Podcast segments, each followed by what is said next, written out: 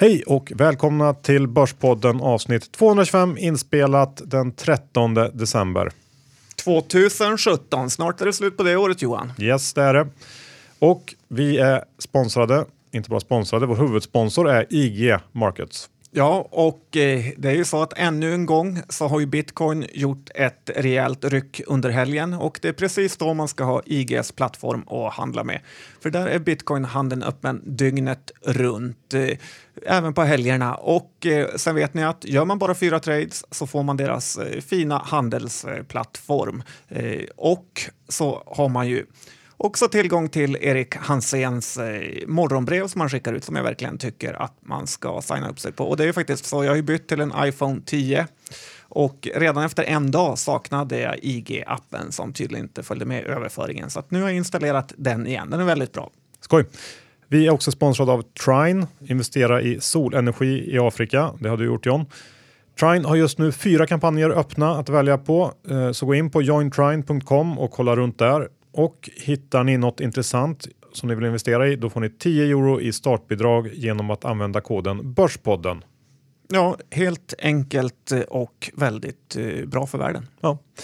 Idag John ska vi prata lite eh, insiderbrott. Ja, det ska vi göra. Den stackars Olof Hallerup har ju fått sig en känga. Ja, du har varit på MOS som vanligt och eh, en hel del intressanta bolagshändelser blir det. Ja, för det händer saker hela, hela tiden med den krispiga börsen. Ja, men innan vi kör igång är vi också sponsrade av Cgit Holding AB, verksamma inom IT-infrastruktur. Det, det här bolaget erbjuder produkter inom molntjänster, de har konsulter och hårdvara och eh, har en hel del återkommande kunder, till exempel Strongpoint, Bring och den nya storkunden Zenuity. Eh, det här bolaget eh, genomför en fullt garanterad noteringsemission fram till den 21 december. Den är på 5 miljoner kronor, bolagsvärdet är 34 pre-money och eh, första dag för handel är 9 januari 2018. Om man tycker att det här låter intressant så går man in på Nordnet eller Avanza eh, för att teckna sig och man läser också på först om bolaget på deras hemsida segit.se eller på Aktietorget. Bra det Johan. Ska vi rulla igång avsnittet? Yes. Johan, Dr. Bass Isaksson, index i 1615. Jag vet inte om man kan kalla dig Dr. Bass snart eh, med tanke på att du är inblandad i de håsigaste av håsigaste valutor. Hur, hur mår du? Ja, det är lite konstigt, eh, men det är på något sätt någon slags effekt av eh, det som centralbankerna håller på med. Det är anledningen till att jag börjar med de här kryptovalutorna. Men vi ska inte prata om dem idag. Nej, för en doktorstitel vill man helst inte bli av med bara sådär. Nej, eh, utan vi ska väl prata lite om eh, hur det ser ut på börsen. Det slår lite upp och ner men rör sig inte riktigt uppåt. Julnisserallyt har ju inte eh, börjat än, tycker jag det känns som i alla fall. Nej, det har du inte gjort, men vi väntar väl till slutet eh, av året och även in i januari för att få den riktiga eh, tomteeffekten. Ja, eh, Ehm, det har väl trillat in lite svenska PPM-pengar här sista tiden, men det har inte riktigt räckt för att eh, trycka oss vidare. Och ehm, jag, jag har ändå köpt på mig lite aktier nu sista veckorna för någon slags eh, kortare trade.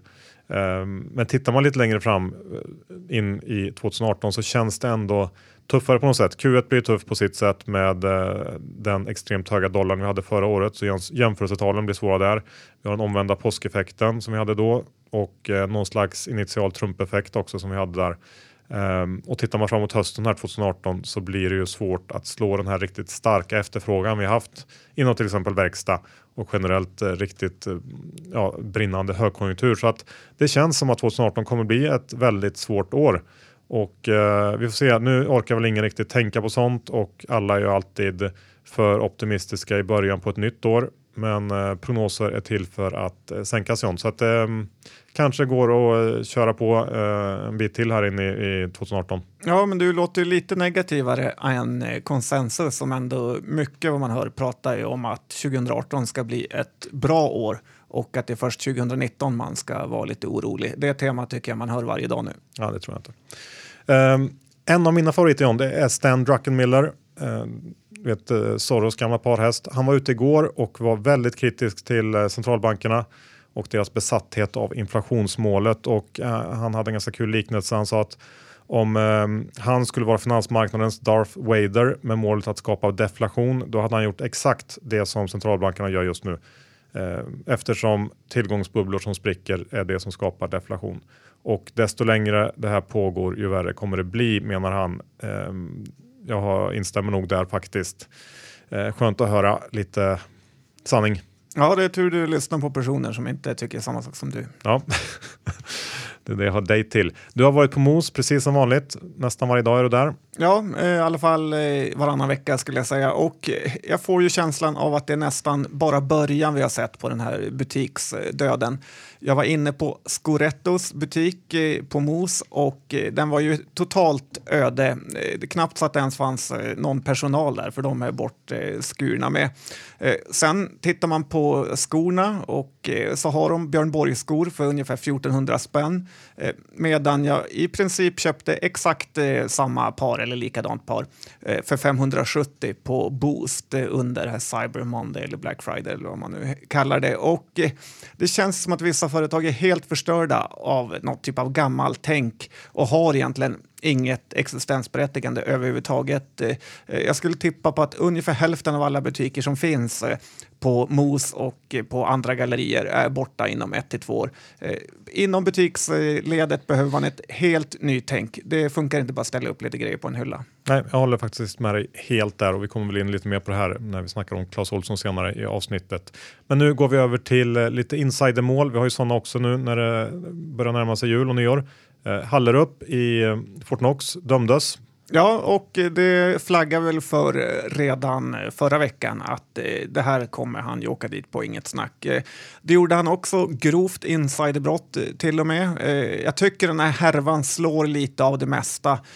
Det var ju så för er som inte har följt med, han brukar tanka på en mack. En dag berättar han för mackägaren att ett bolag förmodligen kommer lägga ett bud på, eh, på Fortnox. Mackägaren blir då extremt eh, pengakåt och eh, börjar köpa aktier och även berätta för någon typ av biträde på den här macken som också börjar köpa. De tjänar några hundratusen på det här och den ena taken är ju att det är kanske lite väl hårt att åka dit för grovt insideråtal bara för att man har berättat det här för en eh, mackägare.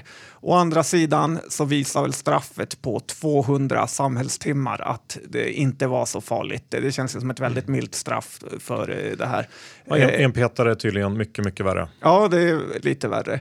Men att det inte blev fängelse kan också bero på att han redan suttit en månad i häktet och det är ju lite roligt faktiskt att tänka sig en, att en miljardär ska gå runt och klippa gräsmattor och städa skolor i 200 timmar. Eh, han kommer ju hata det här så mycket så att eh, ja, jag vet inte ens om han hellre hade tagit finkan. Eh, den andra taken som man också får ha är ju att om han nu har berättat det här för en random snubben på macken, vilka mer har han berättat och kunna profitera på det här? Eh, lite så bitter får man väl också tänka. Sen ska man inte heller vara för hård mot eh, Olof här, för man ska komma ihåg att han faktiskt var den enda som stod emot Vismas skambud när styrelsen ville ge bort det här bolaget. Så han har gjort att många småsparare fått tjäna massor med pengar och dessutom behållit kvar det här bolaget i Växjö. Eh, och, så jag tycker när han har avtjänat sitt straff eh, så ska man inte kasta han på eh, soptippen utan han har nog mer att ge. Möjligt och sen har vi också eh, Ola Roléns Norge-härva. Det senaste där är ju att det kan komma en dom innan jul faktiskt. Och samtidigt nu så ser jag att Einhorn eh, börjar täcka sin blankning i Hexagon med förlust. Eh, kan det kanske vara någon slags tell som man säger på pokerspråk? Eh, luktar det frikännande här John? Ja, jag är personligen helt övertygad om ett eh, frikännande och skulle nästan vilja sätta pengar på om det gick. Däremot träffade jag några journalister här på en fest som var helt övertygande om att han var skyldig. Därav också kanske alla de här brutalt negativa artiklarna om Olof när hela pressen och media är biased mot att han ska basta. Jag tror på att det blir fritt fram här. Ja, och, och, Ola har ju själv varit ute och pratat om, om representanter från hedgefonder som suttit med under rättegången eh, och eh, då kanske det inte är så långsökt att, att eh, Einhorn har haft en representant där som då har bedömt att det lutar åt frikännande. Vi får se. Spännande blir det. Vi håller tummarna för att uh, Ola blir fri. För att sanningen kommer fram Johan. Ja, och John, uh, fingerprint uh, eller fingeravtrycksupplåsning i bilen, är det någonting som kommer Ja, det var ju på TV4 igår om hur nu tjuvarna tar och kopierar signalen från eh, bilnyckel piparen eller biparen och eh, sen kan de lugnt låsa upp bilen och köra iväg med den och ha den som sin egen. Eh, jag tycker ändå det här talar lite för att eh, fingeravtryck, som till exempel Fingerprint varit inne på tidigare, kanske ändå kan vara något. Det kommer ju såklart ta väldigt lång, länge innan det här blir verklighet med fingeravtryck på bilen. Men det är ju ändå lite konstigt att familjen som blivit utsatt för den här bilstölden nu förvarar sin bilnyckel i en burk inlindad i aluminium i kylskåpet, Johan. Eh, och det känns ju inte riktigt hållbart. Eh, så att eh, jag tror nog att vi måste utveckla våra bilöppnare. Eller så kan ju bara polisen göra sitt jobb, Johan. Men det tror jag är lite väl långsökt. Vi är också sponsrade av Neckwear.se där det absolut inte är för sent att handla julklappar än. De har stort utbud av skjortor från bland annat Iten och Stenströms eller Hugo Boss för den delen. Sista dag för leverans till eh, för att hinna innan julafton är 20 december. Eh, de har alla skjortor och accessoarer till nyår till exempel och Börspodden-koden som ger 20% på hela eh, sortimentet gäller eh, fram till den 20 december. Fri frakt och retur och snabb leverans. Eh, gå in och handla något till nyårsfesten eller julfesten. Neckwear.se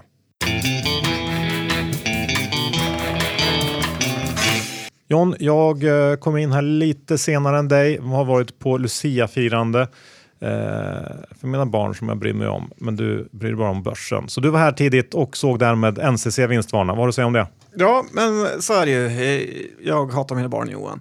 Det är precis nu man äcklas lite av den här konjunktursvackan. Bolagen har ju märkt att det är lite svajigt där ute och då passar man på att vinstvarna och dessutom så tar man fram en massa problem som man mörkat för aktieägarna tidigare. Ofta på grund av eh, ska vi säga, egenvinning för ledningen. Det är bonusar, löneförhöjningar, optionsprogram med mera. Eh, sen kan man ju också göra en sån här eh, deluxe-variant eh, som jag kallar för Micke Wolfare att man tar gigantiska nedskrivningar eh, när man är ny vd och sen under hela sin vd-period kan man återföra vissa av de här delarna eh, som redan är tagna då, som kostnader. Och då verkar man som en riktig överpresterare.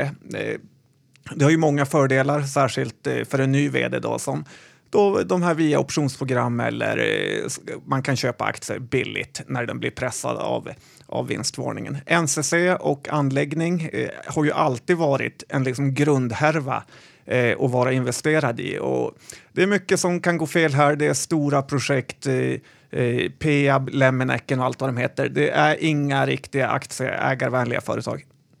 Nej, det kanske är så. Jag är inte intresserad eh, oavsett. Eh, däremot John, så, så, var jag och lyssnade på ett bolag som jag är intresserad av förra veckan. Jag var förbi GP Bullhound som hade massor av intressanta bolag hos sig och då lyssnade jag bland annat på NetEnt eh, som jag också köpt lite aktier i faktiskt senaste veckan.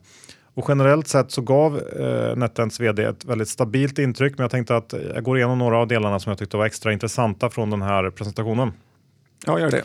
Eh, något som jag tror många kanske inte tänker så mycket på är att de lägger och har lagt ner mycket kraft på att vara compliant med alla regelverk eh, och är den leverantör som har gjort absolut mest på den här fronten. Eh, eftersom Nettan är en jätte i, eh, i leverantörssammanhang eh, så finns man också på mer eller mindre alla marknader och tvingas därmed, därmed se till att alla spel man släpper klarar av alla lagkrav och är compliant med alla olika regler på respektive marknad. Och det här är ett jättejobb. Eh, vd jämförde mot när bolaget var mindre och kunderna inte lika utspridda geografiskt och hur otroligt mycket snabbare det gick att ta fram och lansera nya spel då. Eh, och det här tror jag är en delförklaring till varför man taktat ner lite grann i tillväxttakt jämfört med tidigare. Och också något som är värt att tänka på tycker jag när man jämför Nettan med lite mindre eh, konkurrenter som kan växa mycket snabbare. De har inte det här problemet. Um, och det här är väl någonting som man får på något sätt köpa eftersom Nettan har blivit så stora.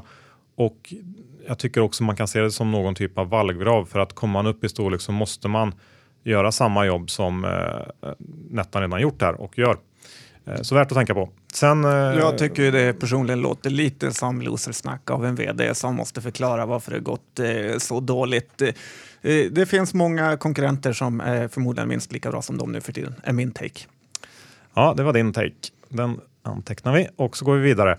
Eh, sen har de ju en väldigt bra pipe, det har vi pratat om tidigare. Det, det, är många signade kasinon som ska driftsättas och man är också redo för USA om den marknaden tar fart på allvar. Eh, de pratar också mycket om eh, den nya versionen av sitt live-casino som kommer komma i Q1 som, eh, som man hoppas mycket på och eh, Vdn här menade att man skulle kunna ge Evo en match här faktiskt. Eh, Pekade på allt från bättre ljud, bildkvalitet till Eh, nya innovativa funktioner jämfört med Evolution. Då. Här får man väl säga att seeing is believing på något sätt. Ehm, men eh, ändå rejäl potential om det blir så. Men jag tror inte att man ska räkna med att det kickar igång eh, direkt från Q1 direkt. Nej, bättre ljud är kanske inte det man rusar på köpknappen för att, när man hör det. Eh, sen så har de faktiskt också ett, ett relativt nytt erbjudande inom något som de kallar programmatic advertising och här får man väl säga att de konkurrerar mer mot klassiska affiliatebolag eh, och den här tjänsten har funkat väldigt bra på de eh, testkunder de har kört. Eh, de anskaffar faktiskt nya kunder till en fjärdedel av kostnaden jämfört med eh, mer traditionell marknadsföring som affiliate marknadsföring till exempel. Och det här gör man genom att använda sig av eh, data som man samlar in på de spelare man har på sina kasinoprodukter och med hjälp av den så kan man eh, rikta marknadsföringen mer effektivt och eh, ja, helt enkelt anskaffa kunder billigare. Eh, spännande projekt, men inte heller det är någonting tror jag som kommer att ge avtryck eh, i siffrorna på kort sikt. Eh, utan eh, närmsta tiden får man nog räkna med att den här lite lägre nivån av tillväxt som vi sett under 2017 håller i sig. Eh, vilket väl eh, i sig inte är så dåligt om man jämfört med många andra tycker jag. Det är fortfarande 15-20 procent eller närmare 20 faktiskt. Och ehm, om nu någon ny marknad tar fart på allvar, till exempel USA eller om Like Casinot slår så kommer de kunna rampa upp tillväxten ganska rejält igen. Och värderingsmässigt så har det här bolaget eller aktien gått från en riktigt, riktigt hög värdering för ett år sedan till en helt okej okay värdering nu tycker jag. På nästa års estimat så handlas aktien till ev-ebit 17, 18 någonstans och eh, eh, växer då ungefär 20 procent. Jag tror det ligger i estimaten nästa år. Eh, så att jag tycker att det är köpvärt och har då också köpt lite grann. Ja, du är en gammal NetEnt-kung så att eh, det låter faktiskt ändå intressant även om jag har mina invändningar mot eh, vd som försvarar sig. Ja, eh, då går vi till något annat. SAS, helt annan bransch. Eh, de kom med eh, rapport nyligen.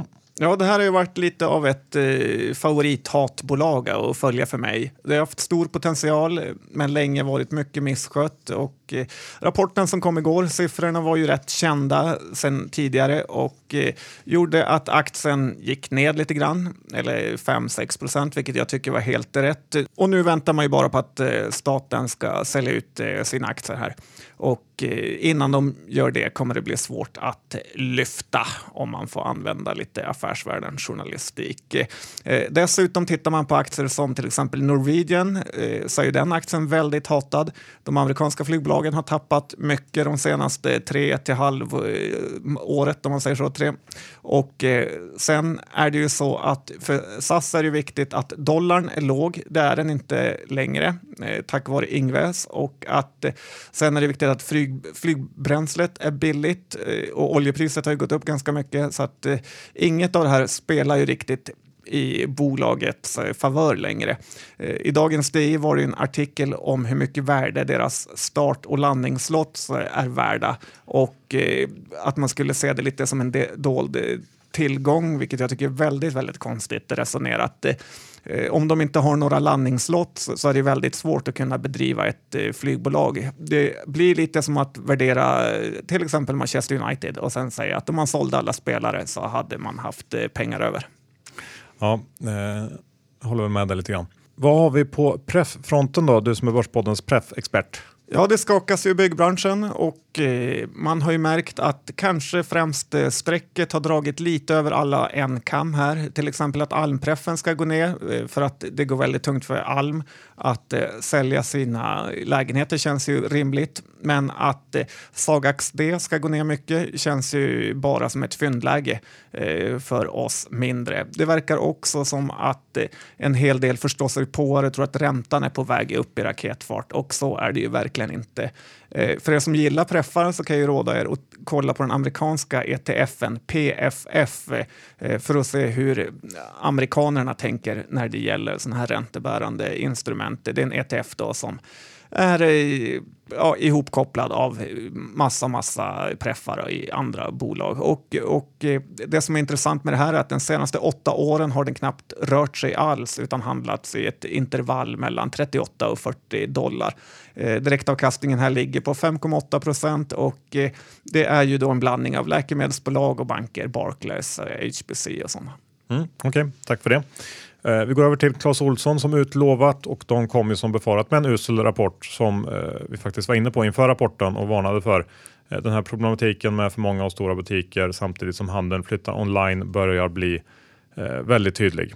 Ja, det var ju en eh, dålig rapport. Resultatet var väl kanske inte det som var sämst, utan eh, det var ju det här det du har pratat om tidigare och eh, nu när man kanske ska minska butikerna i antal så kan det bli så att bolaget krymper faktiskt. Personligen tycker jag inte att det här är någon katastrof. Clas Ohlson har ju varit i lite minikriser då och då men alltid lyckats reda ut det på något sätt. Att bli mindre och lönsammare företag behöver inte vara jättenegativt. Och, eh, eller kanske då får man säga att värderingen i det kortsiktiga perspektivet eh, kan ju bli lite lägre då man blir av med lite tillväxt i sitt eh, P tal där. Eh, men bolaget bör klara sig fint ändå. Det viktiga är ju att de inte hittar på några sinnessjuka idéer för att få igång tillväxten. Och här är man väl lite orolig när de klipper till och köper 10 procent av Mathem för eh, 200 miljoner. Det är precis sånt man inte vill eh, se skulle jag säga. Bolaget är ju för övrigt eh, skuldfritt och har nettokassa P-tal på 13-14, kan dela ut hela vinsten. Så att, ja, jag tycker väl inte att det är i det här läget ett sälj utan snarare ett köp. Ja, jag, jag, tycker absolut inte att det är ett köp än för att jag, jag tror att vi, vi på något sätt bara i början av den här processen. Eh, det, det, går ju liksom inte att klaga på konjunkturen i det här fallet utan problemen här är ju av mer strukturell eh, karaktär. Och eh, jag håller väl lite med det här om, om att köpet av 10% av Mathem kändes ju lite eh, desperat. Samtidigt förstår jag tanken eh, att man ska på något sätt erbjuda sina varor via Mathem då och få dem levererade till dörren. Eh, vilket känns rimligt för om kunden vill eh, handla ifrån soffan hemma så måste ju Clas Ohlson komma dit på något sätt annars så dör man helt enkelt. Då hjälper det inte att bara dra ner på butiker eller göra dem mindre utan eh, det, det, tror jag är ett måste för dem på något sätt. Eh, sen om det kommer att funka, det vet jag inte. Många av deras produkter kan man ju tänka sig att man köper eh, tillsammans med eh, en, med en eh, mathandling så att på så sätt tycker jag också att det passar hyfsat bra ihop. Vilka produkter då om jag får fråga? Ja, men grejer som att man köper glödlampor kanske eller eh, soppåsar eller eh, ja, vad som helst. Batterier, du vet sånt här krafts som man köper på Clas Ohlson. Eh, tejp kanske, med mera. Okay. Det skulle kunna passa där. Jag är inte eh, imponerad. Nej, men eh, för att det är ju, det är ju sådana här produkter. Det är grejer som man kanske, små grejer som man behöver ibland som man köper på Clas Ohlson. Jo, så är det. Men det kan vi lika gärna Mathem själva sälja. Absolut, men, men uh, nu verkar man ändå tycka att det var, var okej okay att gå ihop med Clas Ohlson. Ja, skitsamma, vi behöver inte gå in mer på det, men, men uh, på något sätt så måste de ju ändra sitt sätt att finnas och verka. Och jag tror att det kommer ta ganska lång tid innan man är igenom det här. Så att, uh, ett köp är det absolut inte för mig. Nej, det är ju som du säger, det här kommer ju vara en tråkig aktie lång tid framöver nu när de har svikit aktiemarknadens förtroende. Yes. Sen John eh, har jag faktiskt börjat kika på guld igen. Eh, jag vet inte om man kan kalla det ett årsskiftescase det här, men, men det är inte bara guld utan det är ju eh, mer specifikt guldgruvor eh, via den här ETFen GDX. Eh, jag gjorde en liknande affär för något år sedan tror jag. Ja, du har eh, haft ett eh, sinnesbra, sinnessjukt bra track record för att hitta de här eh, årsskiftesgrejerna. Så att, spetsa öronen där ute nu. Nej, det, det, det, vet jag inte, men Guld har ju haft ett ganska okej okay år ändå, upp 7-8 tror jag så här långt. Men på slutet har utvecklingen varit eh, betydligt sämre. Guld är nere på fyra månaders lägsta, ner 7-8% från toppen och den här eh, nedgången har intensifierats sista veckan här inför eh, Fed-mötet som kommer att ske eh, om någon dag. Och oron är väl att Fed ska vara mer hökaktiga än eh, vad marknaden eh, ja, räknar med på något sätt och därför har man sålt av. Eh, jag har sett också att en del har skrivit om, eh, om att eh, guldets dåliga utveckling på slutet beror på att folk köper kryptovalutor istället och säljer guld. Det är ju en lite kul tanke men jag är ganska säker på att den inte är helt korrekt. Eh, hur som helst har guldet i år rört sig ett ganska tajt intervall upp eh, 7-8 för att gå ner 7-8 eller 10 och, så, och gjort sådär ett antal gånger. Och eh, om det här mönstret ska upprepas så borde det också vända någonstans eh, här. Eh, och de senaste åren så har faktiskt guld varit bra från ungefär mitten av december och eh, några månader framåt. Så att, eh, eh jag tycker att det ser intressant ut eh, och jag köper gruvor då, istället för guld. Det handlar helt enkelt om att jag vill ha lite bättre eh, tryck i, i grejerna om det går åt rätt håll. Ja, men det låter smart. Det ska jag följa efter kanske. Men, men som sagt, kortsiktigt blir det väl Fed-mötet här som fäller avgörandet hur, vilket håll vi ska gå åt. Ja, när vi ändå är i USA så eh, Tesla Ja, det har ju kommit igång lite här aktiekursmässigt efter en svacka eh, som det blev efter senaste rapporten. Nu verkar det ju som att eh, den här trucken eller lastbilen faktiskt har blivit en hit. Pepsi har ju förbeställt 100 stycken och eh, det gillar ju börsen. Eh, det gynnar väl Pepsi att verka lite i framkant här när de tänker på miljön, även om de säkert har tiotals truckar som går varje dag och spyr ut diesel. Så en liten förorder kan gynna alla. Enda problemet är väl att det aldrig kommer att levereras några sådana. Men det slipper de betala med. kan vi tänka på sen. Eh, Papa Johns pizza är ju någonting som du hade gillat förr när du var onyttig, men nu är du ju eh, någon slags hälsofreak så att det kanske är ingenting som lockar längre. Nej, nu drömmer jag bara om den. Vi har ju snackat att de här pizzaleveransbolagen ligger helt rätt i tiden, hur Domino's Pizza har gått väldigt, väldigt bra på börsen. Eh, men nu är det ju så att en av deras eh, vassaste konkurrenter, eller jag vet inte om de är vass för de har inte gått så bra, har halkat efter rejält eh, och det är just Papa Johns pizza med ticken PZZA Eh, de har ett P-tal kring 20, en direktavkastning kring 1,5 eh, procent. Och eh, det här är kanske något för dig Johan, men den handlas i närheten av sitt 52 veckors lägsta. Eh, det är alltid farligt att köpa fallande knivar, men det är ju också lockande att eh, komma in billigt. Papa John har ju satsat eh, nästan all sin marknadsföring på NFL och det har ju varit ett stort misstag.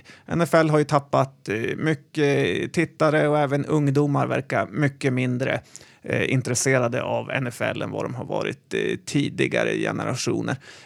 Sen då Netflix numera är liksom den stora ungdomsgrejen. Och lite tänker man ju hur extremt bra det skulle vara för Netflix om de började med någon typ av eh, reklam. Så pizza Netflix Johan, det är ju något som brukar pratas i svensk media om.